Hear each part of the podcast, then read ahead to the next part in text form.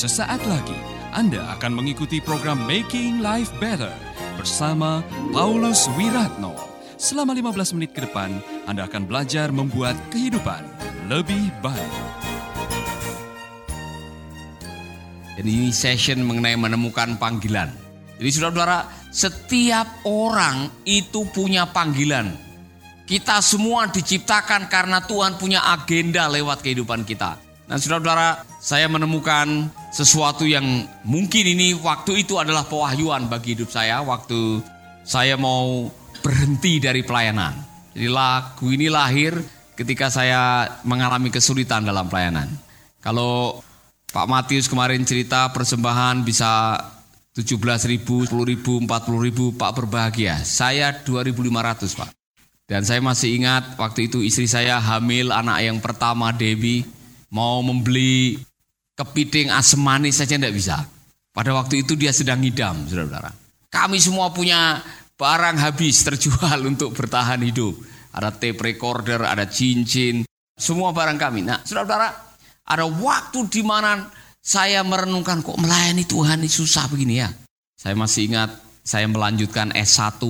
Jadi setiap Senin saya pergi dari Blitar atau dari Selopuro pergi ke STT Satya Bakti di Malang. Pulang nanti hari Jumat. Nah istri saya tinggal sendiri. Karena bantuan perintis hanya 25 ribu per bulan. Dia terpaksa makan apa saja yang tumbuh di pagar tuh daun beluntas, bayam liar, apalagi uh, semua.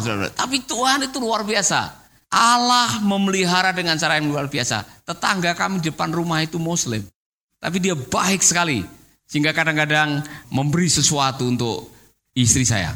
Saudara-saudara, di tengah-tengah situasi seperti itu, merasa down oleh karena kesulitan, timbullah nyanyian ini. Dalam situasi apa pun aku tidak akan pernah melupakan Aku tidak pernah meninggalkan panggilan Tuhan karena dipanggil oleh Tuhan yang Maha Kuasa itu adalah sebuah keistimewaan. Menjadi rekan sekerja Tuhan itu adalah sebuah penghargaan.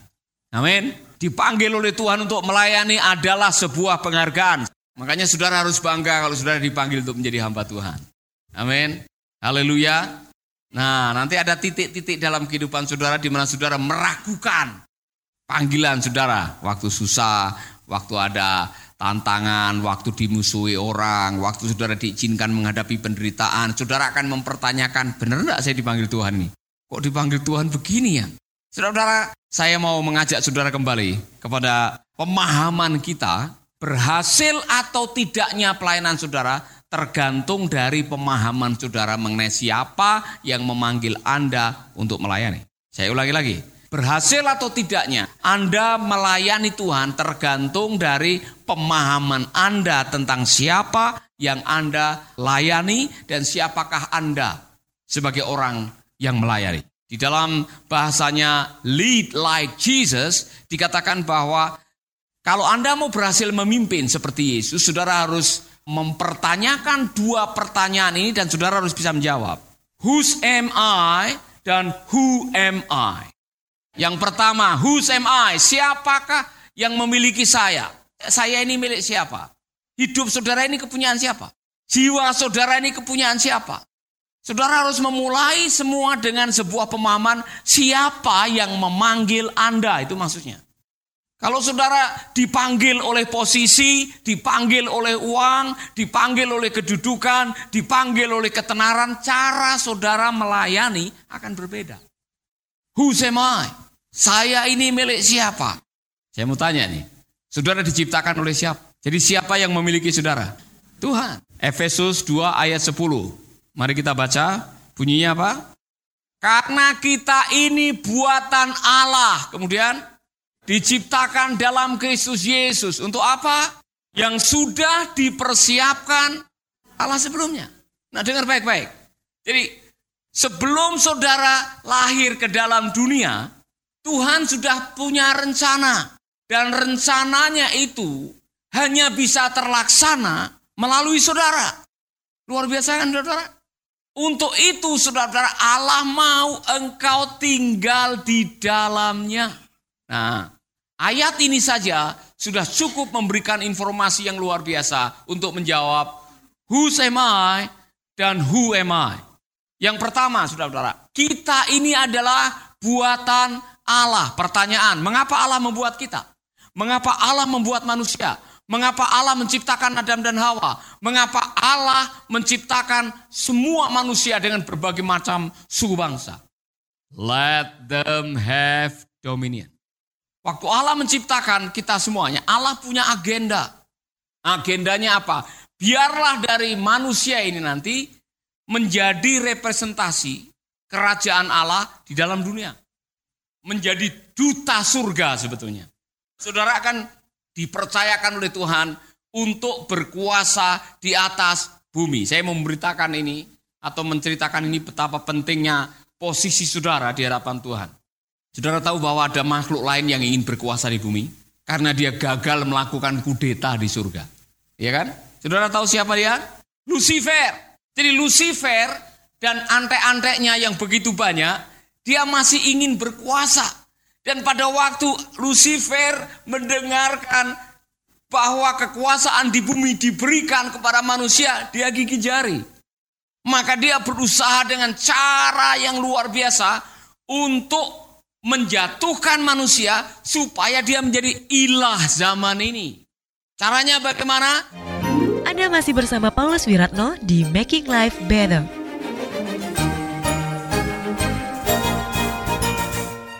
Caranya dengan membuat manusia lupa siapa jati dirinya.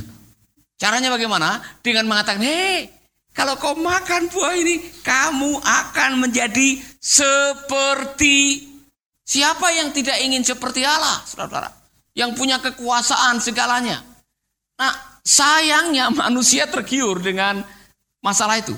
Sehingga jatuh dalam dosa, Kemudian kekuasaan di bumi berpindah kepada kekuasa kegelapan. Puji Tuhan, Yesus datang ke dalam dunia untuk mengembalikan itu. Makanya kita diciptakan oleh Allah, dilahirkan kembali oleh Yesus Kristus untuk berkuasa kembali. Saudara tahu sejarahnya ya? Mengapa? Karena Tuhan sudah memiliki sebuah agenda, let them have dominion. Biarkanlah manusia berkuasa di atas bumi ini, mengelola bumi ini. Tuhan mempercayakan bumi ini kepada manusia, bukan kepada iblis. Jadi untuk selanjutnya ketika Allah ingin melakukan sesuatu untuk menolong manusia, Allah selalu pakai manusia. Pakai saudara dan saya. Dapatkah Allah menolong umat Israel yang dijajah di Mesir pindah ke Kanaan dengan dinaikkan pesawat borak? Dulu ada borak air lain. Ya kan? Bisakah Allah mengangkat semua orang yang jumlahnya dua juta setengah dari Mesir langsung pindah hijrah ke tanah Kanaan? Bisa, tetapi Allah tidak melakukan itu. Allah memakai manusia yang namanya Musa. Untuk selanjutnya, apakah Allah bisa menyelamatkan semua manusia dari dosa? Bisa, saudara-saudara. Allah Maha Kuasa, tetapi dia sudah dibatasi oleh ucapannya sendiri. Let them have dominion. Biarlah manusia berkuasa. Makanya untuk menyelamatkan manusia, dia harus turun jadi manusia. Jelas ya? Nah untuk selanjutnya waktu Tuhan mengatakan go and make disciple. Pergi dan jadikanlah semua murid. Apakah Yesus bisa mengubah hati setiap orang untuk menjadi murid? Bisa. Tapi kenapa Tuhan mengatakan kamu yang pergi? Kamu adalah saksi dari semuanya ini. Karena itu kamu harus pergi. Dan kalau kita mengikuti apa yang Yesus katakan, Yesus lakukan, saudara-saudara, kita sedang menjadi rekan sekerja Tuhan yang luar biasa. Nah, saya mau mengingatkan ini. Jadi kalau kita melayani Tuhan, kita sedang menggenapi rencananya yang sudah disiapkan sebelum Anda lahir. Amin. Jadi Tuhan punya agenda, Tuhan punya panggilan untuk kita semua. Haleluya. Amin. Haleluya tukang kursi ini waktu membuat kursi, saudara-saudara, dia punya agenda, ya kan? Kasih tahu nih. Apa yang ada di benaknya tukang yang membuat kursi ini? Waktu dia membuat kursi, dia sudah merencanakan. Sebelum kursi ini terbuat atau menjadi kursi, di benaknya dia sudah ada rencana. Ya kan, saya buat kursi kakinya empat, bukan tiga. Atau bukan dua. Ya kan?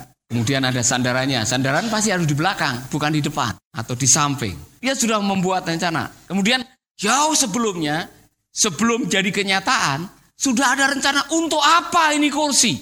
Sebelum Anda lahir ke dalam dunia, Tuhan sudah punya rencana untuk apa Anda diciptakan. Ada maksud tertentu yang sudah jelas, yang sudah ada di konsepnya Tuhan. Untuk apa Anda lahir di dunia ini? Untuk melakukan perbuatan baik. Karena Allah itu maha baik. Saudara diciptakan oleh Tuhan dengan panggilan utama. Yaitu menjadi orang baik. Nah, saya mau mengulang lagi. Sebetulnya di dalam terjemahan The Message ini paling jelas. Ialah seperti ini. No, we neither make nor save ourselves. God does both. The making and the saving. Tuhan melakukan dua hal. Dia membuat saudara dan dia menyelamatkan saudara melalui Kristus. Amin. He creates each of us by Christ Jesus to join him in the, in the work he does. Saya mikir-mikir, ternyata Allah hadir ke dalam jadi manusia untuk menolong manusia bergabung dengan dia melakukan apa yang seharusnya dilakukan. Jadi yang bingung-bingung saya untuk apa lahir di dalam dunia? Saudara, bergabung dengan Yesus melakukan apa yang Yesus lakukan. Jadi jangan sampai saya mendengar lagi ada anak-anak yang menyanyi untuk apa aku dilahirkan. Ini orang bingung, saudara-saudara. Alkitab jelas Anda dilahirkan, Anda dihadirkan dalam dunia karena Allah punya agenda lewat hidup saudara. Melakukan apa yang Yesus lakukan. Jadi saya mau tanya, who am I? Saudara milik siapa? Jadi siapa yang jadi fokus pelayanan saudara? Ini penting sekali. Kesadaran saudara mengenai who am I akan menentukan prioritas saudara dalam pelayanan. Who's number one in my life. Kalau saudara mengakui bahwa panggilan ini dari Tuhan, maka yang nomor satu dalam pelayanan saudara adalah jangan menggantikan Tuhan dengan yang lain-lain. Ken Blanchard dalam bukunya Lead Like Jesus, dia menjelaskan masih banyak orang yang mengaku melayani Tuhan, tapi sebetulnya tidak melayani Tuhan.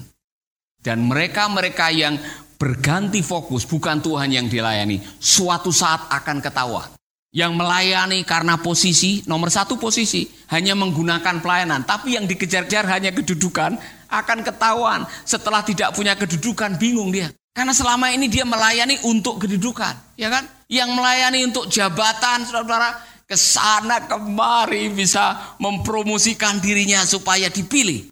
Wah bisa promosi. Nanti saya mengatakan, when you edge God out, Ketika saudara membuang Tuhan dalam hidup saudara dan menempatkan yang lain-lain, maka hidup saudara habis hanya untuk mencari yang lain-lain. Dan hasil daripada edge God out atau disingkat ego adalah pride. Saudara menjadi orang yang sombong. Saudara tahu orang yang sombong suka mempromosikan dirinya sendiri. Saya pernah ada ketua daerah yang telepon saya. Menurut bapak saya harus bagaimana ini? Ini ada mantan ketua daerah yang sudah tidak menjabat, dia telepon.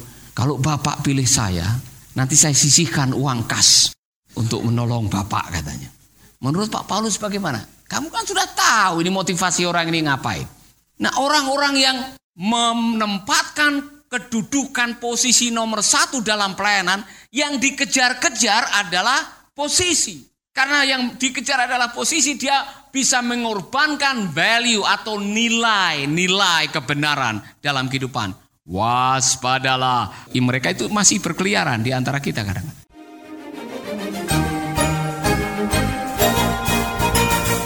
Baru saja Anda mendengarkan Making Life Better bersama Paulus Wiratno. Jika Anda diberkati, kirimkan kesaksian Anda ke Radio Dian Mandiri Jalan Intan LC2 Gang 4 Nomor 1 Denpasar, Bali. Kunjungi website kami di www.pauluswiratno.org, Facebook Paulus Wiratno. Hubungi kami di 081338665500. Sekali lagi 081338665500. Terima kasih, Tuhan memberkati. Bye.